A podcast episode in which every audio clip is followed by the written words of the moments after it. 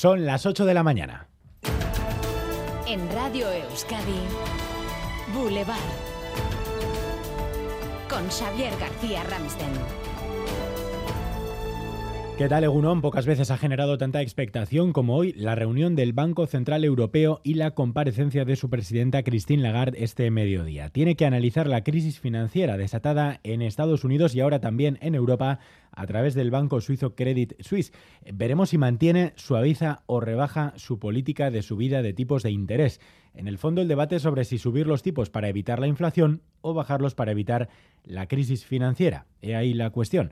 Así Herrero, Egunon, Egunon. Ayer el batacazo del Credit Suisse eh, causó un desplome en las bolsas. ¿Qué puede pasar hoy? Pues parece que los mercados pasan página y los futuros de las principales bolsas europeas señalan que comenzarán en verde. Aún así, tendrán difícil recuperar las pérdidas de ayer. El IBEX 35 sufrió el mayor batacazo de los últimos 16 meses arrastrado por los bancos. El Sabadell cayó un 10,5% y el BBVA un 9,6%, aunque no es comparable a las pérdidas de Credit Suisse. En un solo día ha caído un 24%. Esta noche, por cierto, el Credit Suisse ha movido ficha, ha pedido ya un préstamo de 50.000 millones de francos suizos.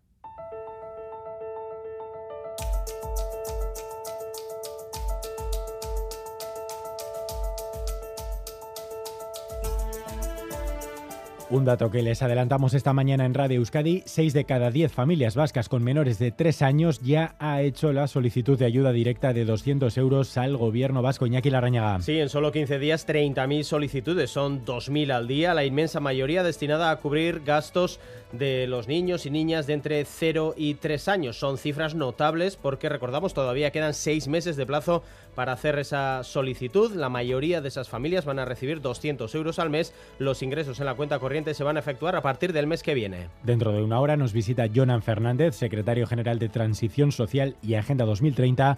Hablaremos de natalidad, uno de los grandes retos del momento, junto al de las pensiones. Hoy el Consejo de Ministros aprueba el decreto de la reforma de las pensiones que cuenta con el apoyo de los grupos del bloque de investidura a priori. PNV y H. Bildu dicen que sí a esa reforma, aunque ponen algunos peros ahora que conocen la letra pequeña. El secretario general de Comisiones Obreras, Unai Sordo, se queda con las ventajas. Anoche estuvo en Gambara que yo sí me, atrevo a calificar de, de, histórico, ¿no? Es un, este es un acuerdo para tener más ingresos, mejor protección y más certezas en el futuro y creo que da mucha estabilidad a la financiación del sistema de pensiones y de seguridad social en España para unas cuantas décadas. Y más sobre pensiones en titulares con Leire García.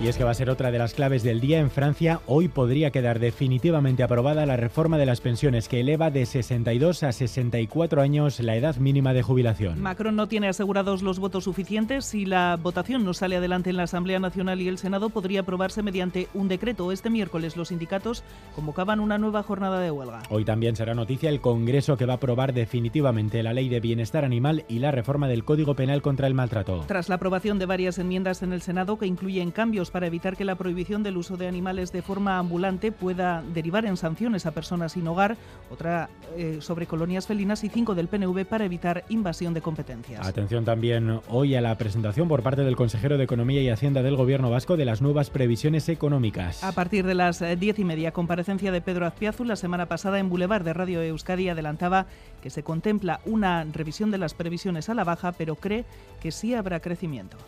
Un cuadro que desde luego seguramente la previsión estará afectada a la baja, ligeramente a la baja diría yo.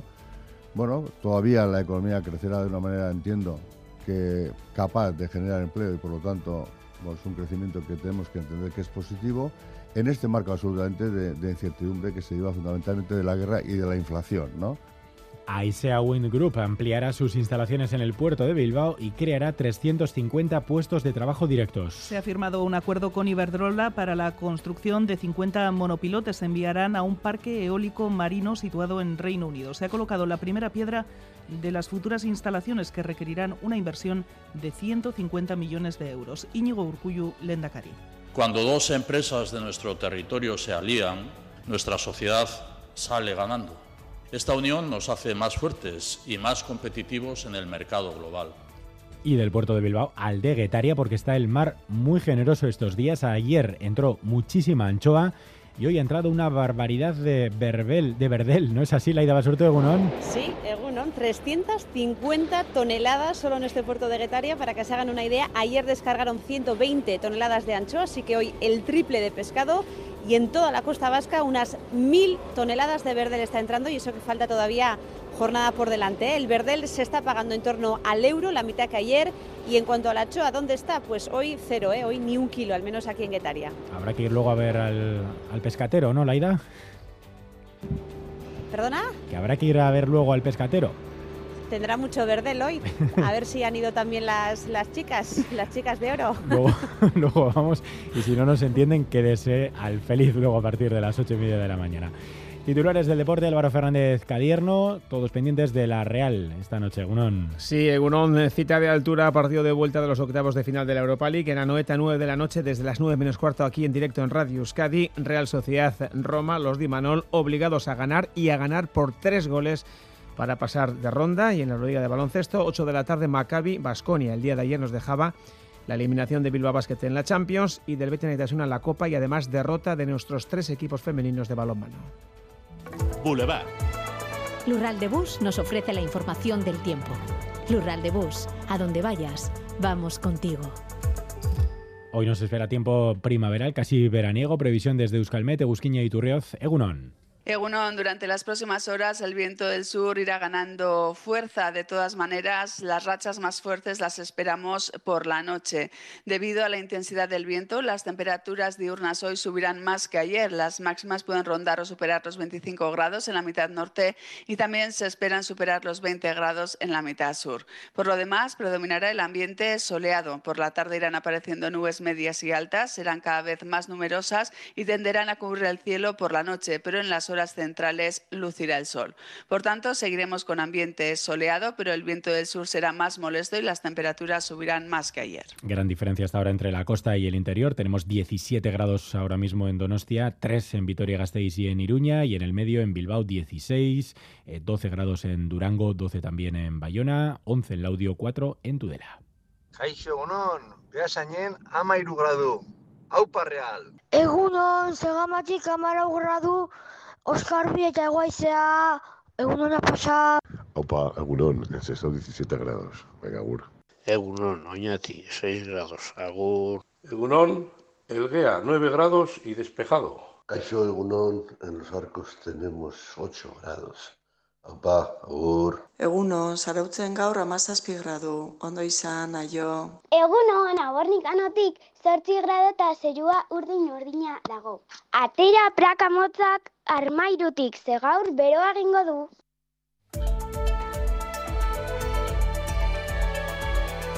Boulevard. Tráfico.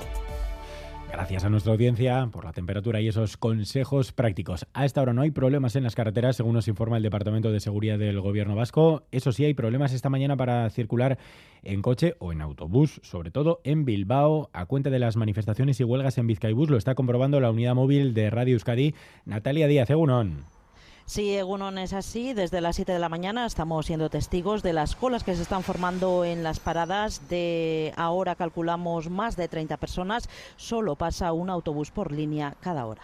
Es las 7 y media. A las 8 y media, suerte si entras. O hay días igual que vienes a coger el bus y luego que han hecho igual sabotaje a los buses y llegas tarde y no tenías ni idea de que... Y no puedes ir a clase, básicamente. Ya. Se puede ir en metro. En metro. Yo he ido en metro alguna vez. Sí. Hay gente que coge el taxi también.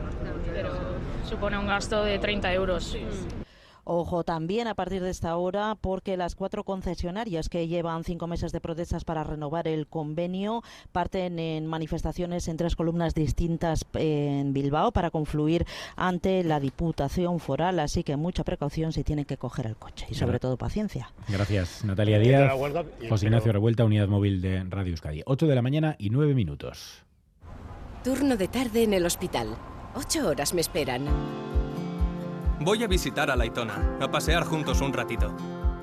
Con las amigas al teatro, qué ganas tenía ya. Porque la vida vuelve y el transporte público es vida, en Lural de Bus, donde vayas, vamos contigo. Ayúdanos a mejorar nuestra información con tus comentarios, fotos y vídeos. Envíalos al WhatsApp de Radio Euskadi 688 840 840.